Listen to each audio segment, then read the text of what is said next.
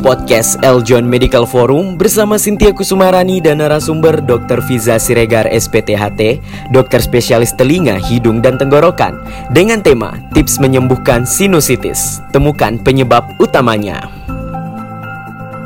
Podcast ini dipersembahkan oleh Eljon Media dan disponsori oleh Sun Klinik Bangka, pertama dan satu-satunya klinik kesehatan modern di Bangka.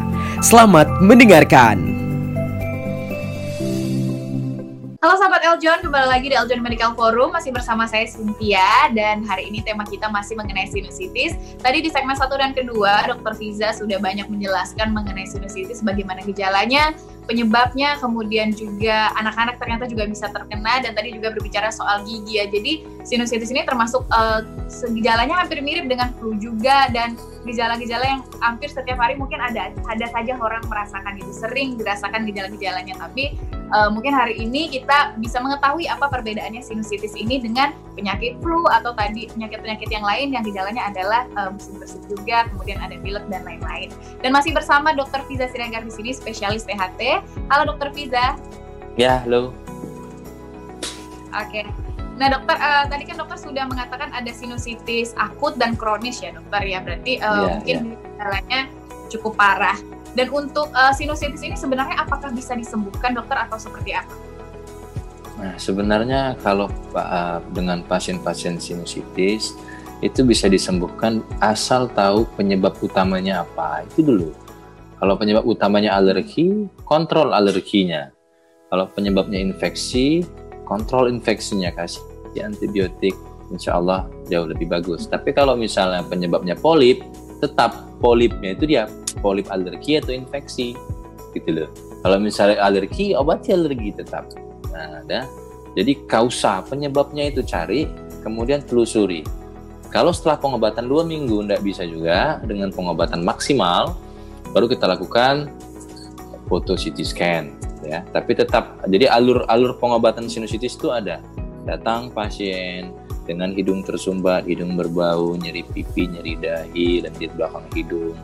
Kita tanya sudah berapa lama, apakah setiap hari, setiap minggu, setiap bulan, setiap tahun, gitu kan? Nah, kita kasih obat satu minggu sampai dua minggu. Setelah itu, kalau tidak ada perubahan dengan pengobatan maksimal, kita lakukan CT scan.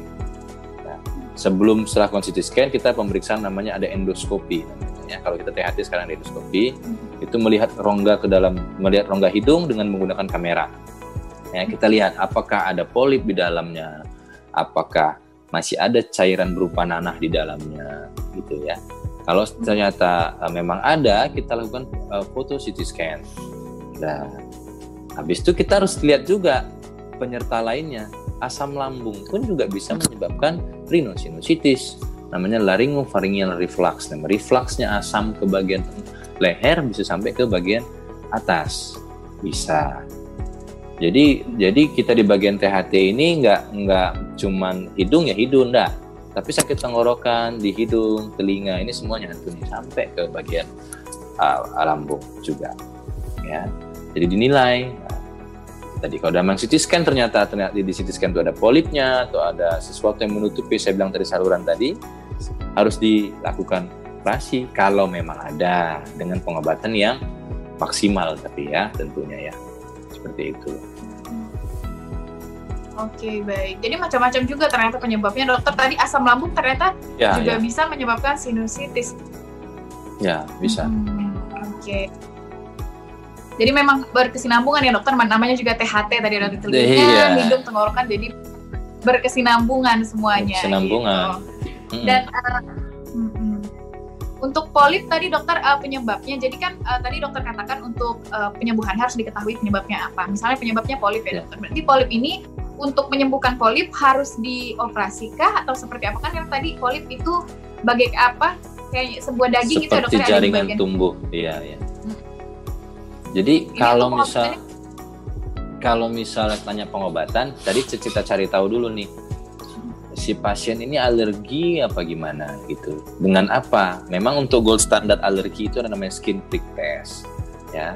And, tapi dari anamnesis pun kita bisa tahu yang seperti saya bilang tadi bersin pagi hari, lebih dari empat kali satu siklus atau lima kali habis itu riwayat keluarga sudah ada sering menggosok hidung hidung tersumbat hidung terasa gatal matanya juga gatal gitu ya habis itu uh, tunggu ada alergi dulu dia baru bersin atau tersumbat atau gatal nah, itu sudah tanda-tanda dari alergi nah setelah itu baru kita lakukan penata seperti alergi kalau misalnya polipnya karena alergi, kita lakukan pengobatan alergi, gitu loh.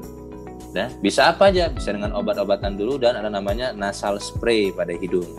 Nah, kita semprot dan nanti ada juga namanya pengobatan uh, uh, kita pemberian anti anti inflamasi atau anti radang yang cukup lama dari dosis dosis tinggi sampai pelan-pelan dari dosis rendah selama 10 hari. Jadi kita lihat, kita evaluasi dia. Kalau ternyata polipnya mengecil dengan catatan tadi alergi ya, polipnya mengecil, ya berarti tidak perlu dilakukan tindakan operasi. Itu pun dengan grade-grade tertentu. Jadi ada polip itu ada grade-nya. Ada yang masih sebatas di dalam hidung, belum keluar. Udah mulai nongol-nongol dikit, bisa. Tapi kalau udah nongolnya banyak di hidung, wah itu udah, udah lain cerita. nah, Nah, kalau penanganannya untuk yang yang yang uh, uh, bakterial ya hampir sama. Bedanya kita pemberian antibiotik. Nah, tapi jangan lupa sen, apa polip ini biasanya diikuti dengan sinusitis. Maka tadi saya bilang uh, berkesinambungan nih polip dengan sinusitis ini berkesinambungan nih.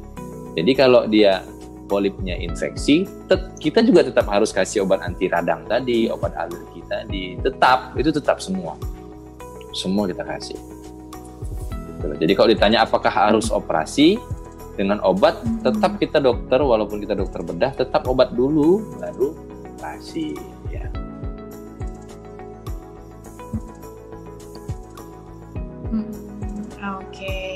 Artinya uh, sinusitis sendiri ini bisa sembuh ya dokter ya asalkan kita tahu penyebabnya apa dan dari sendiri penyebabnya gitu ya dokter ya.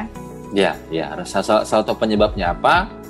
Mm-hmm. Habis itu kita kita jauhi, habis itu ya intinya kita sayangi diri kita.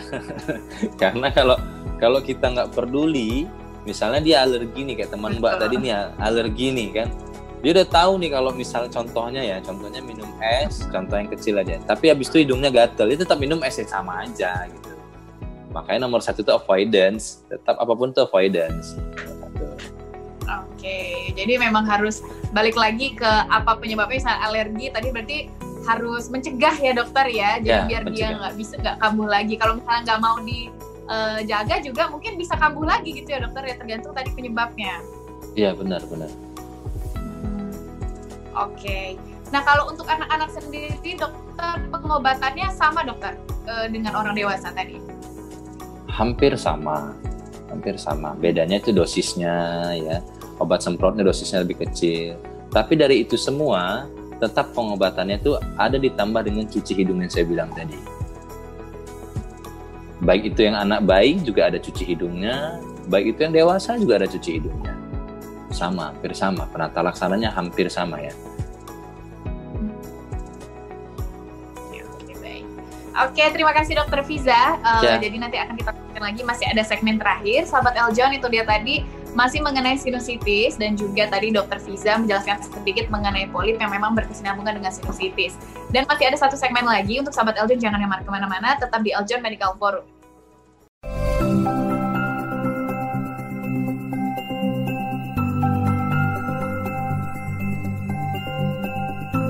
Terima kasih telah mendengarkan podcast Eljon Medical Forum persembahan dari Eljon Media dan disponsori oleh Sun Klinik Bangka, pertama dan satu-satunya klinik kesehatan modern di Bangka. Jangan lupa follow podcast Eljon Medical Forum di Spotify ya.